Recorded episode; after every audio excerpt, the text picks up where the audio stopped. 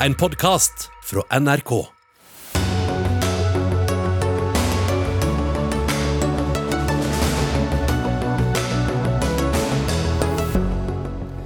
Tegn på sviktende støtte til Ukraina blant amerikanske politikere. Deler av Putins tale var rettet mot republikanerne før mellomvalget, mener norsk oberstløytnant. Trond Giskes lokallag kan bli et demokratisk problem, sier Aps Tove Karoline Knutsen. Det mener ikke Trond Giske. Det må røskes opp i ukulturen rundt ernæring på langrennslandslaget, mener professor ved Norges idrettshøgskole. Og barnehagestreiken trappes stadig opp. Partene møtes i Dagsnytt 18. Ja, Det er noen av sakene i Dagsnytt 18 denne fredagen, der vi også ser hva Tesla Musk vil med Twitter. Men først til eh, saken om den spionmistenkte eller spionsiktede i dag, forskeren, gjesteforskeren i Tromsø.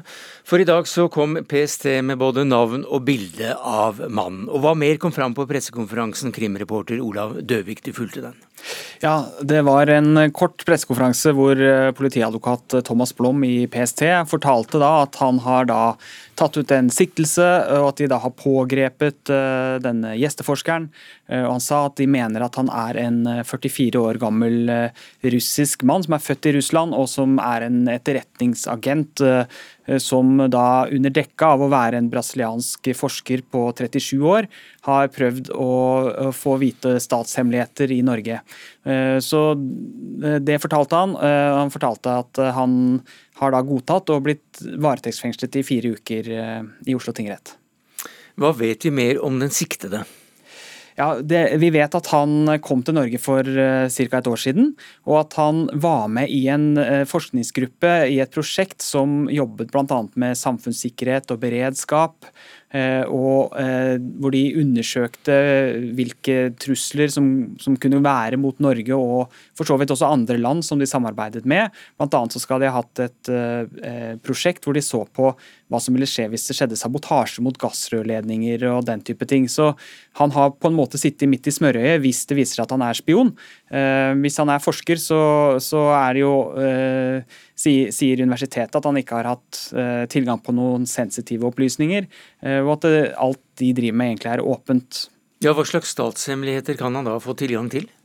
Ja, Det er jo et godt spørsmål, men PST mener jo at uh, bare det at han var der i dette forskningsmiljøet, er nok til å kunne sikte ham for at han har da prøvd å få ut disse statshemmelighetene. Og så sier de jo at han er en såkalt illegalist, altså en som lager en identitet som er falsk, og som, det, som skal bygges opp over veldig lang tid. Og at da kanskje han bare var i startgropa for dette, da, men egentlig skulle ha vært skjult over eh, og holde på eh, i samfunnet over veldig lang tid. Eh, da kunne han jo kanskje ha blitt en litt mer anerkjent forsker som hadde blitt med på, på litt mer ting og kanskje fått tilgang til litt mer, da. Men han er da altså siktet eh, for å ha brutt straffelovens paragraf 121. Eh, hva sier den? Ja, Det handler om uh, ulovlig etterretning mot uh, statshemmeligheter. Og så sier PST at de mener at han har gjort det da på vegne av russisk uh, etterretning. Um, så, så, det er jo en paragraf som ikke brukes så veldig ofte i Norge. Nei, for Strafferammen er bare på tre år. Det er ikke akkurat noen treholdte dimensjoner over dette? Nei, og, og så er det jo også sånn at den siktelsen kan jo bli utvida, men politiadvokaten sa at han var avmålt optimist, så han, han, sa at han var ikke 100% sikker på at de kommer i mål med, med denne saken heller. Han, var, eh, han sa at det, det, er litt med skrekkblanda fryd at man går på en slik eh, etterforskning som dette, var de ordene han brukte. Ja, for Han var mistenkt. Nå er han siktet, men ikke tiltalt. Nei, det er jo viktig å understreke at her skal Eh, PST etterforske, og de sier at det er tidlig etterforskningen og at det er veldig mye materiale de skal gå igjennom. Og så sier de også at hvis han er en så, såkalt illegalist, så skal han egentlig ikke kunne bli tatt. fordi da skal han være så godt trent at det skal ikke kunne skje. Men han ble også tatt. Anders Romarheim, du er førsteamanuensis ved Forsvars, Forsvarets høgskole. En spionsiktet i norsk fengsel, det er ikke så vanlig? Nei, dette er en veldig spesiell eh, sak. Eh, etterretning foregår jo mest i skyggene. Eh, vi hører oftest om det når det går galt, og, og så har de noen, en del seire på kammerset. Men det er klart, dette er, dette er jo på mange vis et gjennombrudd. Jeg tror nok vi òg kan snakke om det som toppen av isfjellet. Vi som følger trusselvurderingene fra de norske etterretningstjenestene, PST og, e og NSM, det, år for år så er de jo mer og mer bekymra for statlige etterretningsoperasjoner på norsk jord. Sånn 2016-2017 så, så switcha PST om. Fram til det så var terrorisme, spesielt fra eh, jihadistiske terrorgrupper, det man var mest redd for. Og etter det så blei det statlig etterretningsvirksomhet. Så dette, dette er en tiltagende trend. Eh, vi ser eh, nå konkrete resultater av det arbeidet som gjøres på kontraterrorisme etterretningssiden da, i Norge. Men hva mener du med toppen av isfjellet? Um, jeg tror det er riktig å si at uh, Politiets sikkerhetstjeneste uh, har, har, ganske god oversikt over en god del ting som foregår i Norge. Spesielt under diplomatisk dekke.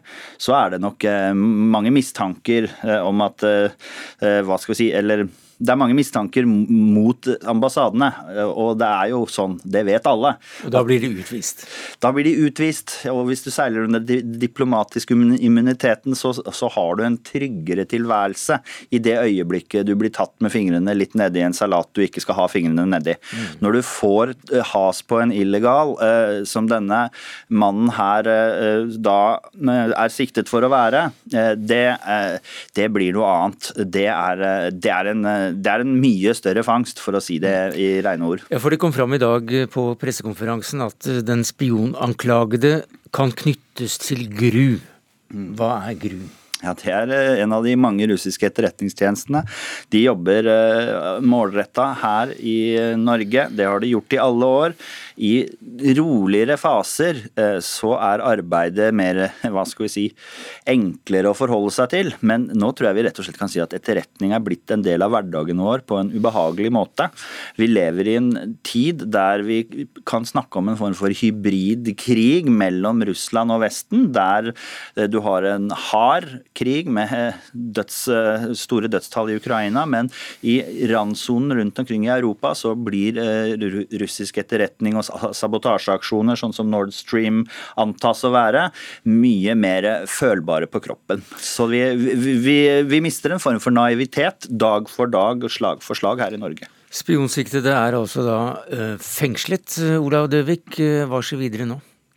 Ja, Nå sier forsvareren hans og PST at han ønsker å samarbeide med dem, så han kommer til å stille til avhør eh, nå sannsynligvis neste uke. Han nekter eh, selv straffskyld og nekter for å ha noe med dette å gjøre, og stiller seg helt uforstående til eh, denne siktelsen. Takk skal du ha, Olav Døvik, krimreporter i NRK. Takk til deg også, Romarheim. Det venter en kaffe der ute. Vi skal få deg tilbake om litt.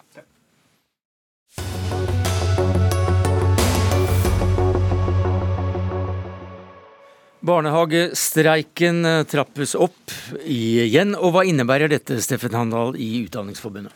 Det innebærer jo at eh, flere barnehager blir stengt, og flere barn må være hjemme. Og foreldre må finne andre ordninger enn det de har til vanlig. Og det er selvfølgelig beklagelig, men det er jo veldig godt å høre fra våre streikende at de møter veldig stor sympati fra foreldrene der ute. og selv om dette blir ubehagelige situasjoner for familiene, så, så, forstår de at denne streiken er viktig. Det handler om fremtiden for de ansatte og pensjonen deres. Ja, ikke minst pensjonen, for det, det er liksom det store spørsmålet her. Eh, og dette er da en ordning, altså pensjonsordningen, som arbeidsgiversiden mener utgjør gullstandarden innen sektoren. Jørn eh, Tommy Schjelderup, administrerende direktør i Private Barnehagers Landsforbund. Hvordan er dette en gullkantet avtale? Nei, altså Først og fremst er det jo en del eh, uttrykk som er brukt her i forhold til uanstendig pensjon. Så må man bare komme rett til, til saken hva dette egentlig handler om. Altså Pensjonsnivået på, tjenest, altså på tjenestepensjon uh, i private barnehager er bedre enn uh, en i kommunale barnehager. Det er, en, er på 7 uh, og det er jo ikke vi som har brukt ordet gullstandard, det er jo gjort av arbeidstakerorganisasjonene sjøl den dagen det ble inngått i, tilbake i 2019. Eh, så Den eneste forskjellen her er jo AFP-ordninga, eh, der arbeidstakersiden og vi har avtalt en egen ordning om, eh, som ivaretar de 15 årskullene, mens vi venter på reformert AFP. Og Da har vi jo en protokoll fra 20, for 2018, 2019, 2020 og 2021 som sier at vi skal vente på reformert AFP for å vite mm. hvordan den blir seende ut. Og Det er jo ikke opp til oss, det er jo da LO og NHO som må bli enige med seg sjøl om, eh, om, når den eh, er ferdig. Hvis vi prøver å gjøre det ikke riktig så teknisk, eh, hva mener du da er hovedkjernen i, i, i denne striden? Altså, det er jo helt riktig at uh, denne avtalen ble om, omtalt som gullstandarden. Men det var fordi at det lå en intensjon fra begge parter om å innføre det, denne AFP-ordningen. Og det er helt riktig som Schjelderup sier, at det har vi vært enige om i protokoller opp igjennom. Eh, og for liksom å ja, smøre dette, så var vi enige om, også, og, og, enige om at de ansatte skulle betale inn litt mer av lønnen sin i pensjon i en periode for å få denne overgangen til å bli god. Mm. Eh, og det, Den delen av avtalen har vi holdt. Men PBL løper nå fra den andre delen av denne avtalen, nemlig at vi skal innføre avtalefestet pensjon. det, det betyr jo at våre ansatte vil tape 50 000 og mer hvert eneste år i pensjon hvis ikke vi gjør noe med denne avtalen. Og ja. Det er klart, det er, veldig, det er veldig krevende. Ja, fordi Til syvende og sist så er det jo pengene som kommer inn eh, på bankkontoen som utgjør eh, det som vi snakker om her. Og det er altså både pensjonen for så vidt, men også da denne avtalefestede eh, pensjonen som det da er strid om. Altså, Handal sier jo her nå om dette med ansattetrekk. ikke sant? Og Det er jo også gjennom protokollen på dette. Det er jo en helhetlig løsning. Vi er de eneste som har en 7% ordning og skal se også på reformert AFP og skal ta vare på de årskullene når reformert AFP mm. kommer på plass. Eh, så må man se på helheten i forhold til hva, hva, hva denne pensjonssatsen skal bli på totalt. Men så, dere venter vi, også på den reformerte og, og, og, ordningen? Vi er, vi er, klart vi er innstilt på å se på helheten, men da må man se på helheten. fordi at denne, Det de har faktisk krevd nå, det er jo faktisk tilsvarende 15 eh, lønnsvekt. Og, og, det er klart På toppen av det de, de har omtalt som, som gullstandard, eh, og at vi har en avtale vi skal få på plass de årskullene eh, etter at reformert AFP kommer på plass, så er det klart at dette her er jo eh, dette her er jo ikke mulig å få mm. til. Men eh, da dere møttes i Politisk kvarter i går, så, så sa da eh, du, Steffen Handal, at eh, PBL kunne gå inn, altså på eiersiden der, da, kunne gå inn for kostnadsdekningen av mm.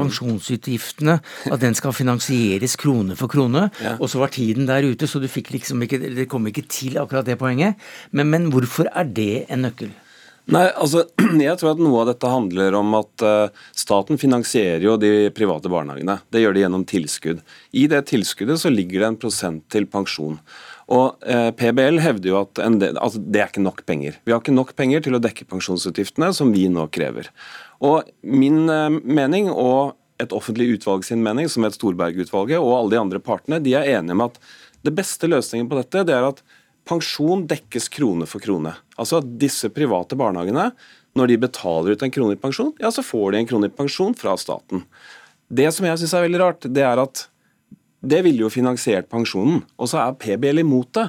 Og da må man jo spørre hvorfor er de imot at man mm. skal få dekket de faktiske utgiftene? Og det får vi vite nå.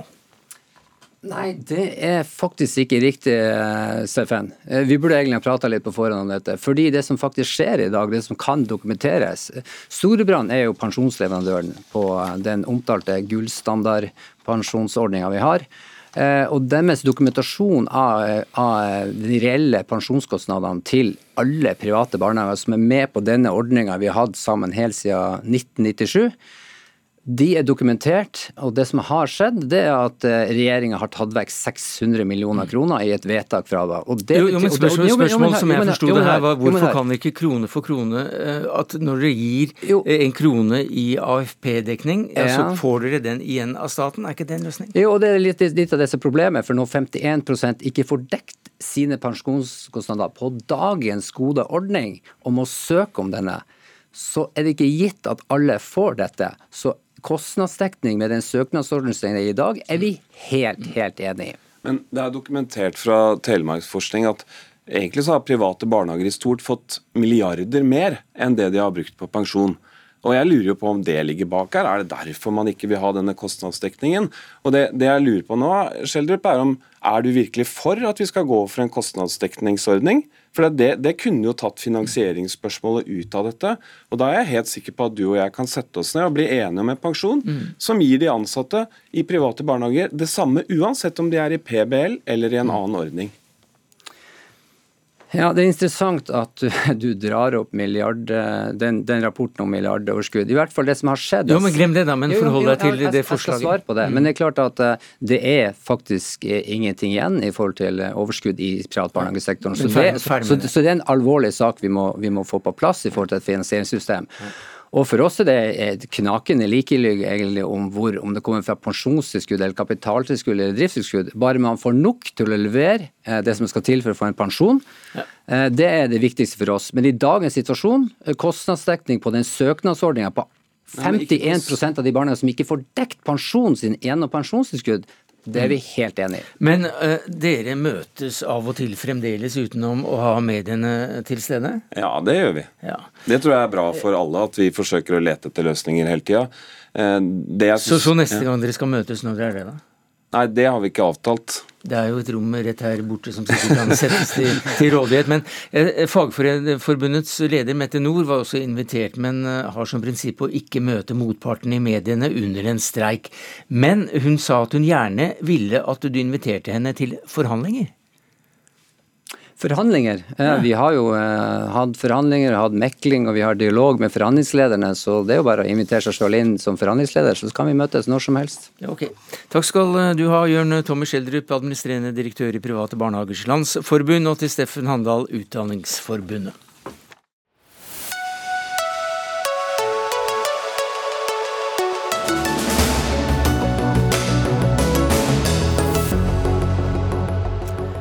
Ja, Det er eh, da Vesten som har skylden for krigen i Ukraina, eh, hørte vi eh, Vladimir Putin si i går i sin store tale. Han brukte også mye tid på å advare om det liberale Vestens dekadens, og at tradisjonelle verdier var faktisk truet. Samtidig er det flere som er bekymret for at Politikere i USA har begynt å stille spørsmål ved den amerikanske støtten til en krig på den andre siden av Atlanteren. Og Palle Ystebø, du er oberstløytnant, sjef for seksjon for landmakt ved Krigsskolen. Hvem var adressaten for Putins tale i så måte? Ja, I henhold til amerikanske nettaviser The Week så, så ser de det i, i lys av denne eh, mellomvalget som er på, på opptur. Og da i forhold til en del republikanske kandidater der som har stilt seg kritisk til den volumet på bistand til, til Ukraina. Um, så det så, Men på andre siden, når du ser på hva Putin ellers snakker om, så kritiserer han jo Trump for å beordre drapet på, på uh, Qasam Soleimani, altså generalen i det republikanske gardene.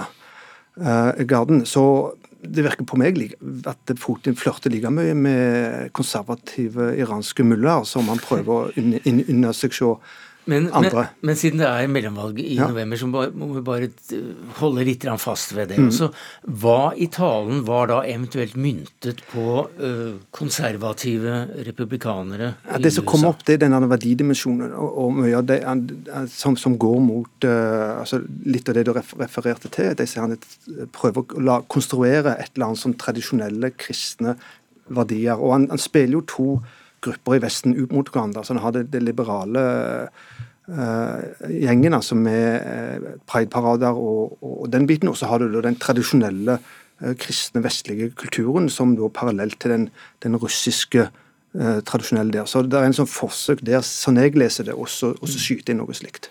Anders Romarei, fremdeles førsteamanuensis ved Forsvarets høgskole. Går et slik budskap hjem? Nei, det tviler jeg litt på. Men det er klart, det, det er Eh, i mange år, ikke minst under 2016-valget, da Trump ble valgt, så har eh, russisk eh, strategi vært å bidra til en polarisering som jo øker i USA år for år. Det har vi sagt siden midten av 90-tallet, og det har vært sant hvert eneste år. USA er nå et så polarisert samfunn at man begynner å lure på hvilke ting man egentlig er enige om, og Ukraina-støtten blir da selvfølgelig eh, bekymringsfull ting å legge til listen av slike eh, momenter. Eh, Tove Bjørgaas, NRKs USA-korrespondent. Hvordan ser du eh, dette ut fra ditt ståsted eh, som våre ører og øyne i Washington? Er det en dalende støtte for Ukraina, eller en dalende interesse for Ukraina?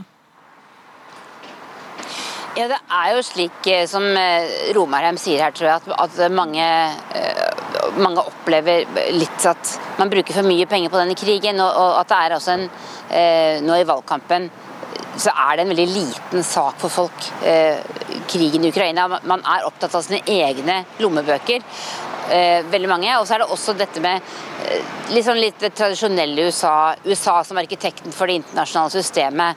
Eh, Biden som en mektig president som er veldig upopulær. Selv om han gjør en del ting for økonomien, så er det mange som opplever at han bare er en vanlig politiker. Og politikerforakten er så sterk her at alt dette her blandes liksom sammen. Jeg tror ikke veldig mange velgere sitter og hører på Putins tale, men jeg opplever i hvert fall at, at krigen i Ukraina er en liten sak i valgkampen. Og så kommer det også nå fra både høyre- og venstresida politikere politikere som sier at de mener USA bruker for mye penger på, på våpenstøtte til Ukraina. Ja, Anders Romarheim, hva vil det si for de amerikanske bevilgningene til krigføringen dersom republikanerne altså ja, tar over ett eller kanskje til og med to kammer i Kongressen, tror du? Ja, eh, jeg tror ikke det på kort sikt vil bety veldig mye. Eh, eh, det kan man ikke utelukke. Men, men gammel regel er jo at the center will hold når man snakker om amerikansk politikk. Dette er ytterligere ytre venstre og ytre høyre som har begynt å flagge en tiltagende bekymring for krigsutgiftene og hva det betyr for vanlige amerikanere. Sånn som Bjørgaas er inne på. Og det er eh, lommeboka som styrer amerikanske valg. Det har aldri vært utenrikspolitikken på topp der. Det er, eh, det er velkjent doksa doxa om, om, disse valgene. Så jeg tror de fornuftige stemmer og krefter, de voksne for å si det litt enkelt, både på demokratisk demokratisk og republikansk side kommer til å opprettholde en høy støtte til krigen i Ukraina. Det betyr ikke at den ikke kan synke noe. Eh, det, det som eh, en republikansk leder har uttalt, er jo at vi skal ikke skrive ut en blank sjekk eh, til Ukraina. Og det blir sånn sett en kritikk av Bidens håndtering, der man mener at pengeboka bare Pengebingen står på vidt gap, og Ukraina kan få alt de vil. Sånn at kan, man kan få mindre på noe tidspunkt enn det man får nå, det er, det er ikke en, en, nødvendigvis en dramatisk vending, da. Men én ting er da som, hva som skjer til mellomvalget, men eh, om to år så er det jo da presidentvalg. Eh, og mange spår at krigen faktisk kan fortsette og fortsette. Og hva sier Trump til dette her, da? Gravås? Bjørgås, ja, altså, unnskyld, jeg trodde du stilte spørsmål til Romeren. Eh, nei, altså Han har jo også alltid vært opptatt av America first, ikke sant. Eh, samtidig så jeg husker alle historien om eh, hans samtale med Ukrainas eh, president og denne etterforskningen og hva som skjedde i valgkampen i 2016. Han reiser jo nå land og strand rundt her og hjelper republikanske kandidater, og de kandidatene er jo gjerne kritisk til militærstøtte og ønsker å røske opp i den tradisjonelle måten å gjøre ting på i amerikansk politikk. Så jeg er ikke helt enig med, med Romarheim. Det er jo Kongressen som vil måtte vedta eh, store bevilgninger, og selv om det har vært sterk støtte nå, så kommer det en god del politikere inn i den kongressen som er nok nokså ekstreme dersom republikanerne vinner fram en del steder. Eh, og så er det altså denne valgkampen som du er inne på eh, til 2024. Eh, og om det ikke blir Trump, så, så, så er det vel mye som tyder på at det blir en republikansk kandidat som ikke er så langt fra Trump politisk. Og med de rentene og den økonomiske situasjonen folk har her nå, så, så er America first sannsynligvis et godt slagord også i, i, i valgkampen i 2024. Men det er selvfølgelig litt for tidlig å, å konkludere der. Ja, hvor viktig er den amerikanske støtten for Ukrainas krigføring, Paul Ystøve? Den er svært viktig. Eh, det er amerikanske våpen, tunge amerikanske våpen, artilleri, ammunisjon. Eh, og det er spesielt disse eh, presisjonsstyrte HIMARS-rakettene rakettene fra HIMARS, som har, har, gjort det mulig for Ukraina å, å, komme så kraftig på offensiven som de har gjort. og nå har Teheran av seg det strategiske initiativet i, i denne krigen, i alle fall for denne sesongen. Uh, og gjør det mulig for de å holde to offensiver gående, én i nord, uh, den i Kharkiv, som nå tygger seg videre inn i, i, i Luhansk. Og det konstante presset på de russerne som er på, på nordsida av Dnipro-elva i sør med Kherson. Uh, og Så kommer da de andre, andre land sine bidrag i tillegg. Uh, det, spesielt uh, Polen med 200 stridsvogner. Solid, og en del andre land. Men det er USA som egentlig er, er, er motoren her. og på mange måter egentlig litt den gamle rolla som demokratiets arsenal, som du kjente de fra den andre verdenskrigen, den kalde krigen. Men det er også andre land som også gir, og, og Norge er jo blant dem. Hva er, det, hva er det Norge tenker å gi nå? Ja, Det kjenner ikke jeg detalj til hva Norge tenker å, å gi nå. Eh, det jeg bare har sett, det, det at en fikk sendt av gårde noen og tjue uh, artilleriskyts og, og ditto ammunisjon og sånt, det, det, er vel noe av det som har, har virka best der inne. Uh, jeg, jeg kjenner ikke til egentlig hva, hva norske forsvarspolitikere legger opp til, til videre. Men, på, men, det er et system som heter NASAMS? Ja, det, det kommer fra USA. Det er et norskkonstruert uh, mm. Eh, system som uh, skal fall gi to, to batterier på. Uh, og Det er jo et svært godt uh, luftvernssystem som som Norge har utvikla med utgangspunkt i, i missiler til fly, som de da, eh, Kongsberg da har modda og satt, satt, på bakken der. Og Det vil jo forsterke det ukrainske luftvernet, som er nødvendig nå med tanke på den form for angrep som, som russerne har retta mot kritisk infrastruktur og mot ukrainske byer. Vi hører også at det er frykt for en litt mindre samlet støtte fra amerikanske politikere.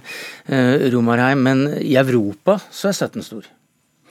Ja, jeg vil si det. Mm, samholdet på vestlig side har overraska mange, inkludert meg. Eh, helomvendingen i tysk eh, utenriks- og sikkerhetspolitikk eh, var en velkommen overraskelse for alle som er opptatt av at Putin ikke skal kunne diktere hvordan Ukraina skal se ut, og om det i det hele tatt skal eksistere en fri nasjon som heter Ukraina. Så samholdet har vært oppsiktsvekkende bra. Og hadde Trump vært eh, på toppen eh, i Det hvite hus, så tør jeg nesten ikke tenke på hvordan det hadde sett ut. Alliansediplomati var han sjokkerende dårlig på. Han, be, han behandla ofte allierte som fiender, og fiender som allierte. Eh, så det, var veldig spesielt. Så jeg er mye mer bekymra for 2024 enn 2022-valget. Eh, Merk at det, det, venstresideopprøret blei banka rett ned det brevet som man sendte til Det hvite hus og ba, ba Biden om å søke forhandlinger og, og den typen ting, det blei simpelthen eh, slått så hardt tilbake at det, hele brevet blei trukket.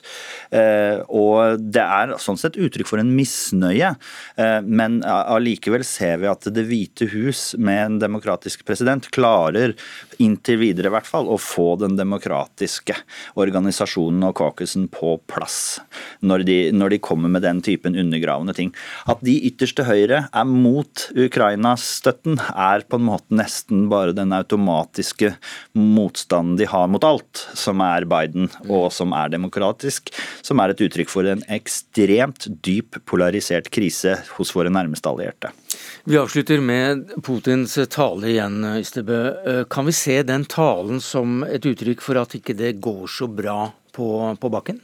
Ja, det, det kan vi òg. Eh, og, og, på mange måter så tror jeg nok at eh, innenrikspolitikk altså Han snakker til sine egne i, i veldig stor grad. og og der er jo ingen eh, altså det, det har vi hørt før. Det går i kontinuitet tilbake til de talene han hadde rett før opp, oppkjøret på krigen.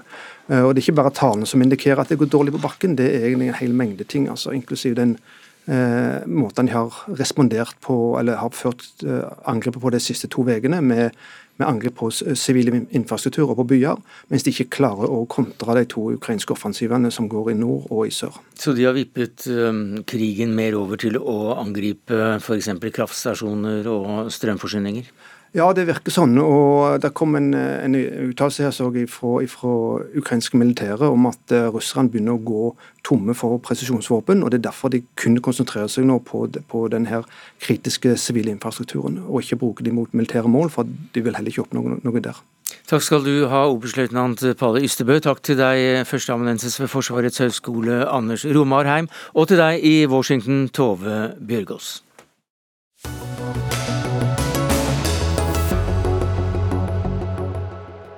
Da Trond Giske overtok eh, som leder i Nidaros eh, sosialdemokratiske forum i fjor, så hadde lokallaget 16 medlemmer. Nå er det landets største, med over 1000 medlemmer. Men en eh, høy del av medlemmene bor ikke i Trondheim. Det mener du da er et demokratisk problem, Tove Karoline Knutsen, tidligere stortingsrepresentant for Arbeiderpartiet, og nå medlem av Tromsø Arbeiderparti. Hva er problematisk? Jeg er jo kritisk til måten dette laget er skrudd sammen på.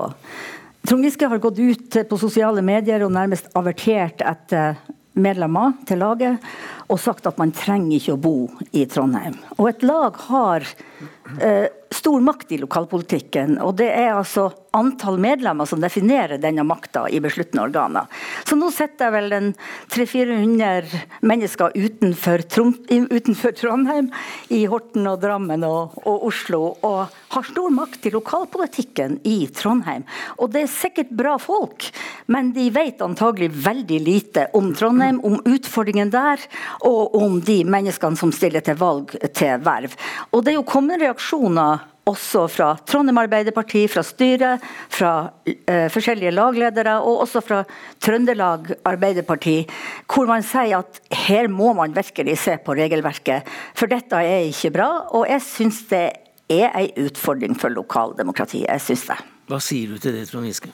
Nei, det er jo riktig. Vi har verva over 1000 medlemmer i løpet av et år. og Det er jo et år hvor ikke Arbeiderpartiet akkurat har vært i medvind. Så jeg tenker jo at det er veldig bra at uh, eh, 1000 mennesker, som stort sett aldri har vært med i et parti før, har funnet veien inn i Arbeiderpartiet. Det store demokratiske problemet i Norge er jo at det er veldig få som engasjerer seg i eh, partiene. Uh, jeg er enig med Kjersti Stenseng, partisekretæren, som sa at problemet er ikke at folk er med på feil sted, det er at de ikke er medlem. Og Jeg har jo ringt og snakka med over 800 av de 1000 medlemmene, hver og en på telefon.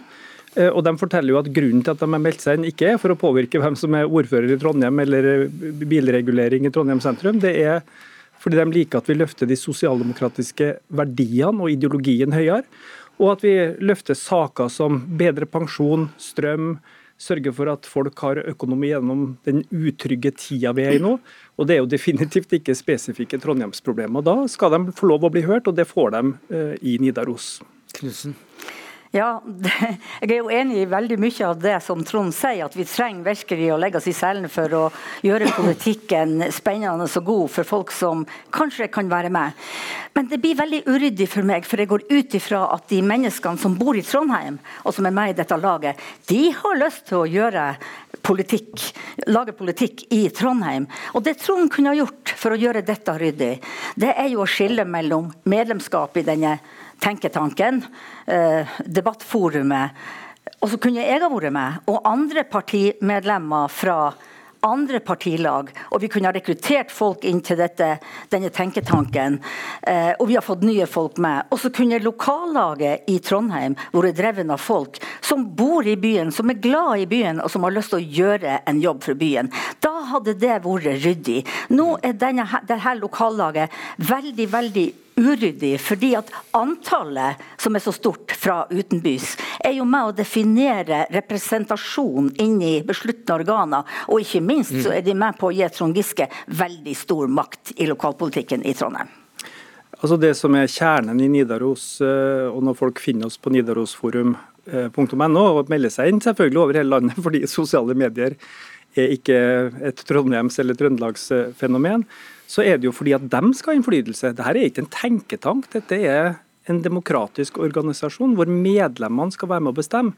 Og eh, Vi har jo selv nå når vi har 18% kanskje 400 500 000 mennesker i Norge som ønsker å stemme Arbeiderpartiet, men vi har bare en tiendedel av det som medlem. Det er mer enn nok å ta av, både for Tromsø Arbeiderparti og andre kommuneparti.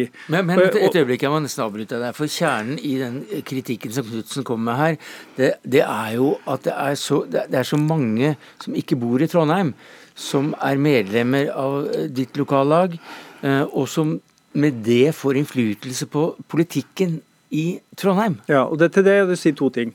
For det første så er det ingen av dem som har meldt seg inn i Nidaros fra andre steder enn Trondheim, som har gjort det for å prøve å påvirke Trondheimspolitikk. De er engasjert i nasjonale spørsmål. Vi er et lag som tar opp sosialdemokratiske verdier, ideologi, viktige saker som mindre forskjeller på folk, bedre pensjon, få kontroll på strømmarkedskreftene. Det er nasjonale saker. Om de er medlem i Tromsø eller Trondheim eller Oslo, så bør de bli hørt og få innflytelse på det. Så kan man selvfølgelig løse f.eks. det problemet med at vi får veldig mange delegater i årsmøtet i Trondheim og si at delegatberegninga kan være f.eks. bare på dem som er i Trondheim.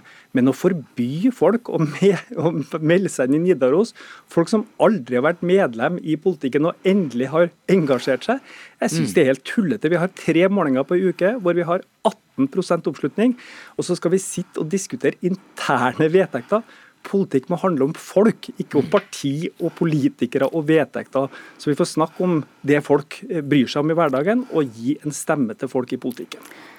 Jeg er helt enig i at vi skal gi en stemme til folk. Men Trond Giske, du har på inn- og utpust sagt at det skal være nærhet mellom de som har makt og folket. Og det er altså de som er medlem i ditt parti, de har makt, og du kan ikke snakke det bort ifra deg. Og jeg syns ikke du skal snakke foraktelig om regler og vedtekter, for det skal være med å regulere demokratiet og gjøre at ikke folk kan ta seg til rette. For en ting er å rekruttere til et partilag, men du skal følge folk opp. Vi skal ta vare på folk sånn at de blir i partiet. Og da må vi gjøre det sånn at det blir bra å være, at det er fint å løfte sammen med andre. Og så må vi hindre ikke minst viktig, hindre at noen tiltar seg makt i partiet på urettmessig vis. Og jeg mener ja, ja, hva, sånn, hva, hva, mener du med det? Med det mener jeg at hvis du rekrutterer masse folk utenifra, eventuelt tar en sånn rekrutterings eh, et skikkelig sånn rekrutteringsløft Som, så, som Giske gjør? Ja, han gjør det. Mm, og han får så han får veldig mye makt i trondheimspolitikken gjennom å outsource lokalmakt fra Trondheim til andre steder. Det er også en del av dette. så jeg synes Trond snakker seg bort når han snakker om at folk skal få makt. Ja, men folk mm. gir han veldig mye makt gjennom denne eh, medlemsvervinga som mm. han har gjort. Og det er ikke uten grunn at også Bernt Hagtvedt, valgforsker, og Jo Sagli og Trondheim og Trøndelag Arbeiderparti ber om at nå må vi endre okay. vedtektene. Det trenger vi å gjøre. Et øyeblikk, vi må nesten slippe Som jeg sier, det er, det er, uproblematisk om vi bare får delegater i årsmøtet basert på medlemmene i Trondheim, men å si at dem som er utafor ikke skal kunne få lov å være med, ikke skal kunne påvirke og ikke være medlem av det laget de ønsker seg. Vi tror jeg følger opp medlemmene våre bedre enn veldig mange. Vi har verva 1000, eh, vi har ringt 800. I helga hadde vi en svær politisk festival med nesten 300, basert kun på frivillighet. Vi skal ikke belære andre, men vi håper at vi kan være en inspirasjon. Og hvis eh, Tromsø, som har 11 000 medlemmer fra Arbeiderpartiet og, og, og eh, eh, velgere til Arbeiderpartiet å verve fra, ønsker å hente inspirasjon fra oss, så kommer jeg gjerne og forteller hvordan vi jobber. og Kanskje kan vi lære noen ting av Tromsø. Vi er ett lag, vi må løfte sammen. Vi er på 18% Vi bør være tilbake på 30-35-40, for det har vi potensialet for. Hvis vi, vi mobiliserer grasrota, verver medlemmer, gir dem et ekte ja, engasjement ja. og innflytelse. 20 sekunder, 20 sekunder, ja, Vi skal lære av hverandre, men vi må ha en viss ryddighet i organisasjonen. for dette handler også om makt. Og folk som skal gjøre en jobb og trives i partiet, de må ikke oppleve at her er det noen skjulte maktnettverk og her er det noen skjult makt. Vi må være sammen, og da må vi være der på ordentlig, men vi må ha ryddighet i organisasjonen. Ellers så får vi ikke dette til, Trond. Og jeg lærer av deg, men du kan også lære av meg. Ja, Vi har som motto i Nidaros at det skal være trivelig og interessant, og folk trives som bare det. Det viser medlemstallet, og enda flere er hjertelig velkommen til nidarosforum.no. Velkommen velkommen. Takk skal du ha, Tove Karoline Knutsen i, i, Tromsø, tidligere stortingsrepresentant for Arbeiderpartiet, og til deg, Trond Giske, leder av Nidaros sosialdemokratiske forum.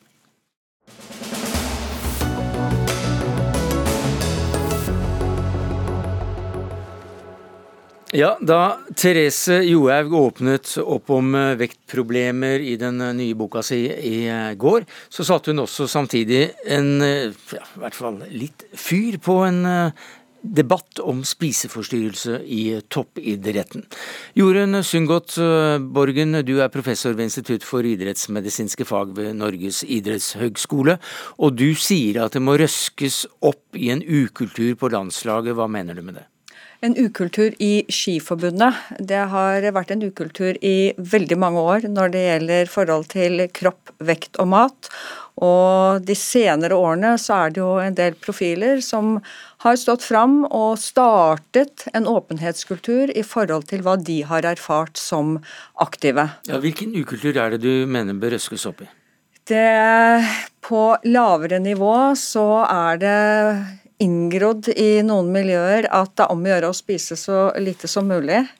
Det er om å gjøre å trene så mye som mulig. Det er om å gjøre å se ut som de tynneste utøverne.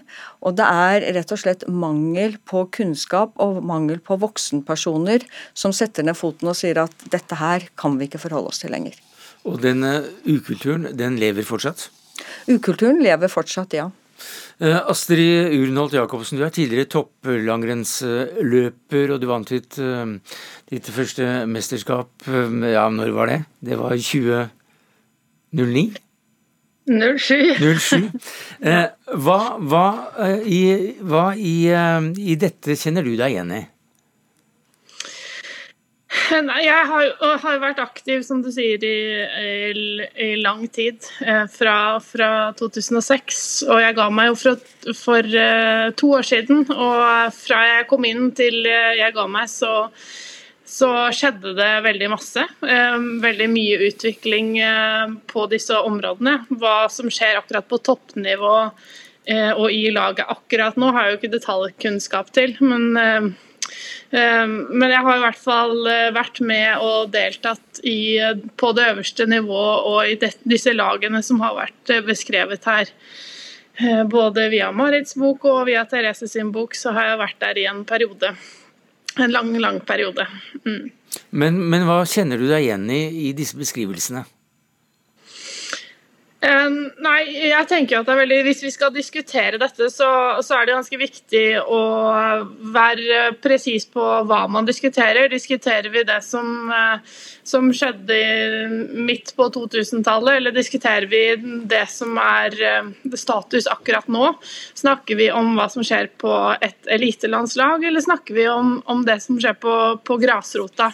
Eller er det hele totalen? Um, jeg kan jo kjenne meg igjen i beskrivelsene fra både Therese og Marit sin bok, og så har jeg på en måte også mitt syn på og mitt perspektiv som, på hva som skjedde. Eh, noe som er helt naturlig. Alle har på en måte hver sin historie. Og ja, det har jo vært eh, problemer, og det er en kjent sak at eh, den idretten er og har vært spesielt utsatt. Ja, Hvorfor har den vært spesielt utsatt? Nei, altså all Det meste av, av, utholdenhetsidrett er jo det, eh, og særlig disse vektbærende utholdenhetsidretter, så er man spesielt utsatt for denne problematikken. og Det har kanskje vært mest omtalt som et kvinneproblem. Jeg tror også det er et betydelig problem eh, blant gutta. Eh, og så tror jeg at i Norge så har vi jo på en måte tradisjonen Eh, og de store på måte, kompetansen på langrenn. sånn at det har samlet veldig mange utøvere og det har samlet veldig mange som har prestert på det øverste nivået. og Det har fått mye spalteplass. Um, og det er mange unge som ønsker å drive med langrenn, og derav også et, uh, et betydelig antall personer da, som får slike problemer. Ja, og Da må det også røskes opp for å få, få, inn noe annet. Og hva skal inn? Ja. Jeg er jo helt enig med det Astrid sier nå. Vi må være tydelige på hva vi snakker om. Og hvis vi nå Det er jo på lavere nivå at vi har eh, den største utfordringen, selv om vi har fått veldig bekreftet de senere årene at den også er i de beste lagene. Men eh, mange har nok en opplevelse av at det har blitt gjort mye, og det har vært gjort mye, men ingenting har vært satt i system. Og det er det jeg savner. Og da må vi begynne med de helt yngste. Vi må begynne med 12-13-åringene senest, og skolere foreldre, trenere, utøvere selv. Vi må få vekk de mytene som eksisterer i noen av miljøene.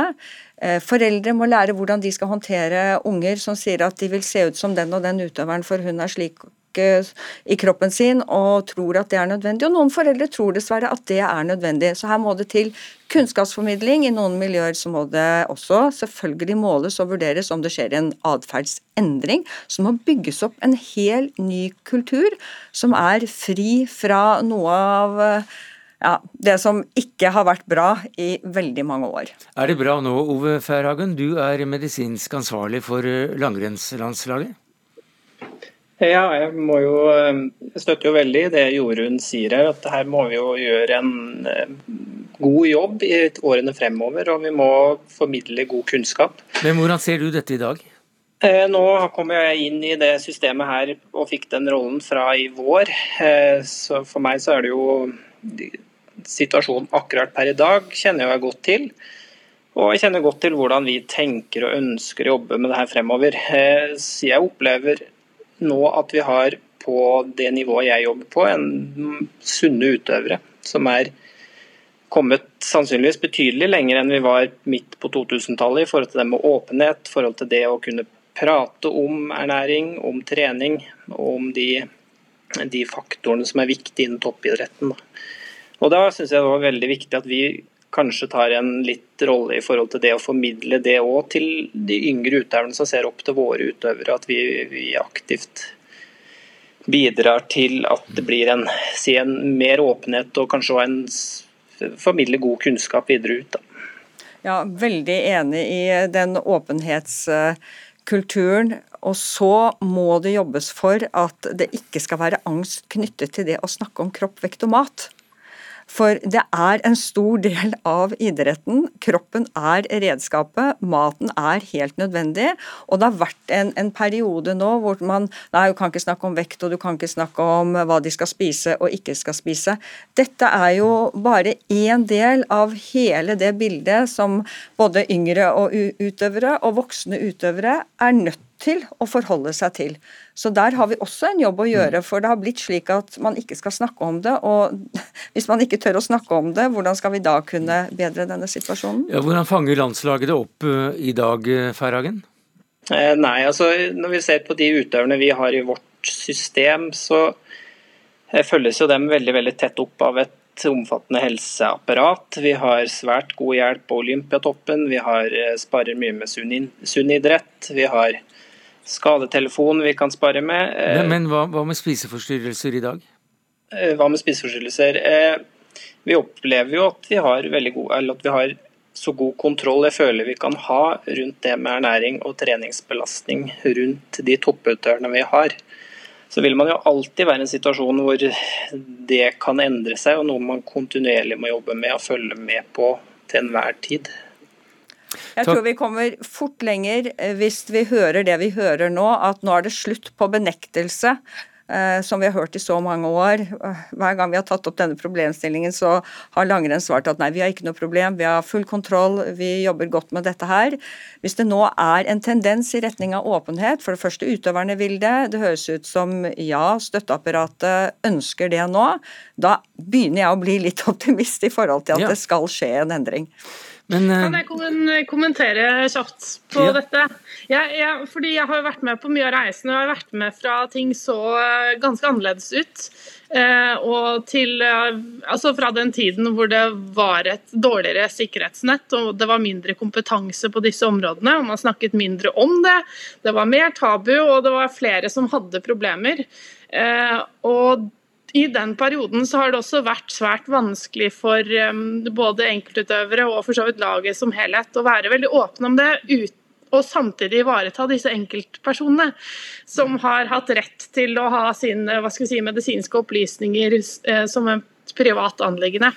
Eh, men konsekvensene av den ukulturen er jo nettopp at vi har sett at dette sikkerhetsnettet har blitt bedre Eh, og jeg opplevde i hvert fall en stor endring av det eh, gjennom min tid på landslaget. Og så er det jo eh, kjempebra hvis, hvis man nå begynner å få friskere og, og, og, mer åpne utøvere på det øverste nivået, så tror jeg det, det vil ta da litt tid igjen før de, de, som fylles på etter, får da disse gode forbildene og kanskje vi får etablert mm. en litt åpen eh, dialog på alt dette gjennom hele liksom, langrennsbevegelsen. Men da har vi forstått at det i dag er mer eh, åpenhet. Iallfall så er det ting som tyder på det, Sunn Borgen.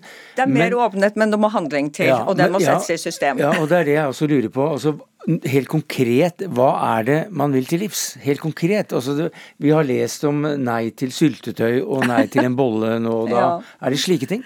Nei, og det er heller ikke slik den tilbakemeldingen ble formidlet. Det Eh, vi sa i det tilfellet som Therese nevnte i foredraget i går, det var selvfølgelig at først er det viktig å få i seg brødskiva med et eh, pålegg som gir næring, og så bollen. Det var ikke snakk om å fjerne noe bolle, men sørge for at man først fikk i seg brødskiva, og så veldig gjerne bollen oppå der. Så det var en sånn typisk eh, ting som da, i hvert fall ifølge Therese, har blitt opplevd annerledes enn slik meldingen blir gjort. Og Det forteller jo oss som driver forebyggende arbeid, hvordan vi hele tiden må være veldig veldig bevisst på å være tydelig i kommunikasjonen og sørge for at det vi kommuniserer blir oppfattet sånn som vi ønsker. Men så vet vi når du driver forebyggende arbeid, du treffer ikke alle, mm. men mange. Takk skal du ha, Jorunn Sundgodt Borgen, Astrid Urenholt og Ove Ferhagen.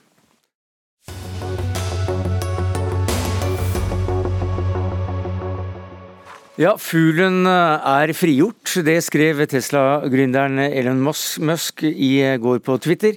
Ehm, plattformen han nå har kjøpt opp, det ble vel endelig klart klokka 17 eh, norsk tid, tror jeg, så det er forholdsvis ferskt. For i flere medier så hevder han i natt at han overtok selskapet med den hvite fuglen i logoen, og da er det blitt den viktigste plattformen for offentlig debatt, og den plattformen skal være så fri som bare det. Martin Gundersen, du er journalist i NRK Beta, du skriver om teknologi og medier. Han signaliserte allerede i mai eh, at han ville kjøpe selskapet, men trakk seg. Eh, hva fikk han til å kjøpe Twitter nå? Ja, altså Han ønsket først og fremst dette med ytringsfrihet. Det skulle bli en friere plattform med mindre restriksjoner. Og så hadde han en tanke om at plattformen kunne bli bedre under hans lederskap. Hvor han kom opp med en rekke ideer som andre tenkt i varierende grad er gode. Eh, men det er på en måte utgangspunktet. Og han gikk ut med veldig god energi før han begynte rolig å komme seg unna avtalen og prøvde etter hvert å bryte helt med han. Men hvorfor har han kjøpt den? Altså, Han vil vel tjene penger på dette her? Det er få som tror han kommer til å tjene penger på Twitter, både når han kjøpte det og i dag. Eh, alt ser ut som han kommer til å tape mye penger hvis han skulle prøve å selge Twitter i morgen. Eh, men dette er en person som har veldig mye penger allerede. og det som de to hovedspådommene kanskje er at enten så vil han prøve å redde Twitter og gjøre det stort, eller så kan det være at han har noen ideer om hva han vil endre, og så går han lei etter kort tid. og selger det til et eh, oppkjøpsfond. Eh, Ida Aalen, du er medieviter med sosiale medier som eh, spesiale. Og, og Musk har altså da sagt at han er tilhenger av absolutt frihet. Hvordan kan det slå inn i Twitter-sammenheng? Eh, det som er interessant, er at uh, i utgangspunktet så har du veldig rett. Uh, Musk tror på absolutt frihet. Uh, men selv om, er, selv om han er verdens rikeste mann, så må han også forholde seg til økonomi. når man hører at han er verdens rikeste mann, så er det lett å se for en sånn onkel Skrue i pengebingen. Men han har da en formue på 200 milliarder dollar, og så har han kjøpt Twitter for 44. Så selv hvis det er milliarder, så hører man at det er ganske mye penger. Så det betyr at eh, han må fortsatt få eh, Twitter til å være noenlunde lønnsomt. Fordi Hvis ikke så må han begynne å selge aksjene sine i Tesla eller SpaceX for å kunne egentlig få Twitter til å gå rundt. Og da, Hvis han slipper fri alt, så kommer han til å tjene mindre penger, og Twitter kommer til å bli veldig dyrt for han, selv om han er veldig rik. Men før vi foreslår en kronerulling for, for Musk, så, så tilbake til hoved, hovedspørsmålet her, nemlig en mann som sier at han tror på absolutt ytringsfrihet. Hva kan han som eier av Twitter gjøre med Twitter? Han har også sagt at han mener at det skal være innenfor uh, hva som er grenser for lovlige ytringer. Det har han sagt han har tenkt å forholde seg til, og det blir jo veldig mye mer komplisert med en gang han har antagelig tenkt å følge lover verden over. Og i tillegg har han også i, i går gått tydelig ut hvor han har sagt til uh, annonsørene, fordi han er redd for å miste annonsørene, at nei, nei, det skal ikke være slik at alt Jeg tror vel bokstavelig talt at det skal ikke bli et he, altså sånn en syndepøl eller et helveteshull. Eh, det skal jeg sørge for at det ikke blir, fordi han nå blir redd for at han skal miste annonsørene, nettopp fordi han har det ryktet på seg for å være en som mener at alt skal være greit. Vi ser at Trump hilser den avtalen velkommen. Ja, og at eh, Trump eh, kanskje kommer tilbake til Twitter, det er noe som Twitter hadde måttet diskutere uansett i disse tider, særlig hvis Trump igjen hadde blitt eh, presidentkandidat. For da kunne man også diskutert er det rimelig å holde en potensiell presidentkandidat ute fra denne plattformen, selv om det kanskje og antagelig var riktig å gjøre det rundt opptøyene da, i 6. januar. Men dette kan jo ha noe å si og få konsekvenser for valgkampen i USA? Ja, for nå kan alt skje på en måte. Det er rapporter om at Musk vurderer å sparke en stor andel av de ansatte. og eh, Klimaet fra å bli strengere på å moderere innhold til eh, denne mer avslappa holdningen kom på et veldig skummelt tidspunkt i USA, hvor man har eh, disse midtveisvalgene eh, 8.11, og man har valg i Brasil nå bare noen dager. Eh, og det som skjedde forrige gang, eh, var jo at det var store spørsmål om hva valget eh, gjort rettferdig. Eh, kan man stole på valgresultatet? Og bør man i hele tatt synes at demokratiet er viktig, skal vi heller omgjøre stemmene og, og, få Trump til å bli president på ny. Sånn at det Bakteppet her er at man kan spre veldig mye feilaktig informasjon. uten å bli stoppa, noe man i stor grad eller større grad har blitt med årene. Ja, og en av, tingene, en av, de første tingene som Musk eh, gjorde, var å gi sparken til en av de, den høyeste juridisk ansvarlige i Twitter, som er en av de som har vært viktige for å gjøre Twitter litt mer eh, strenge når det gjelder moderering og oppfølging av liksom, eh, demokratiske, altså potensielt relevante ting. Og i tillegg så er det det at Musk er i bunnen en teknolog. Han syns policy og retningslinjer og regler er kjedelig, og han har sterke økonomiske insentiver til å si opp egentlig tusenvis av Twitter-ansatte uh, før tirsdag. Så det du kan som mer sannsynlig skjer enn at han liksom bestemmer at nå skal alt være lov, er at han lager så mye kaos i Twitter fordi at han gir sparken til alle de som har vært ansvar for sånne ting som ja, skal det være greit, skal det ikke være greit, slik at det blir helt kaotisk i denne eh, perioden. Han er mer en, en kaosfaktor kanskje i denne punktet enn en person som har en veldig konkret idé om akkurat hvordan dette bør se ut. Da. Jo, men er vi, er vi, betrygget med å ha en kaosfaktor i eh, Twitter, som er eh, verdens viktigste plattform på sin måte? Det er jo det som er at bekymringen av sosiale medier med årene har blitt tvunget til å gå bort ifra disse amerikanske idealene om at all ytring ytring som ikke er ulovlig, skal være tillatt, til å si at hatefulle ytringer, trakassering, ikke hører hjemme på plattformen. Hvor man sier at eh, innhold som kommer fra eh, datainnbrudd, ikke skal florere fritt. Eh, alle disse små og store tingene, bl.a. helseinformasjon, vaksineskepsis skal få mindre plass. Det står i spill at det blir håndhevet mindre strengt, og det krever et selskap som er villig til å stå i stormen for å hindre at disse spres. og Man ser vel kanskje nå at man vil se mindre eh, villighet hos Twitter spesielt til å stå i stormen.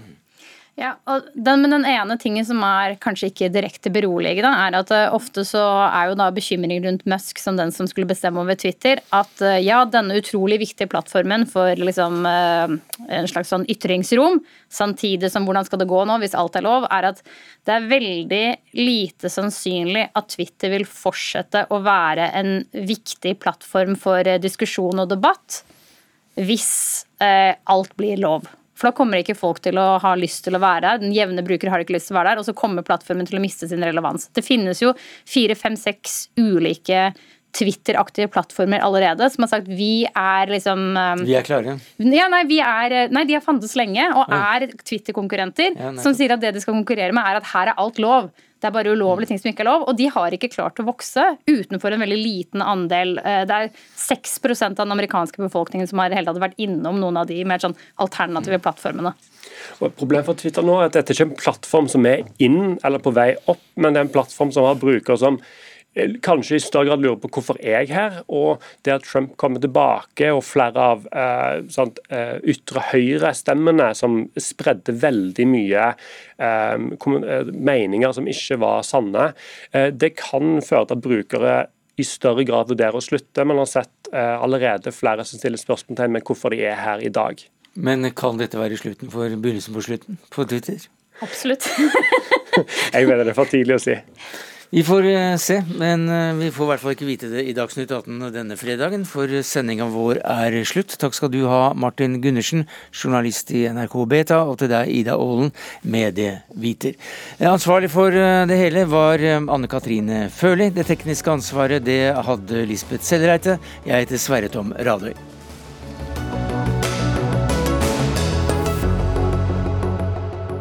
Du har hørt en podkast fra NRK. Hør flere podkaster og din favorittkanal i appen NRK Radio.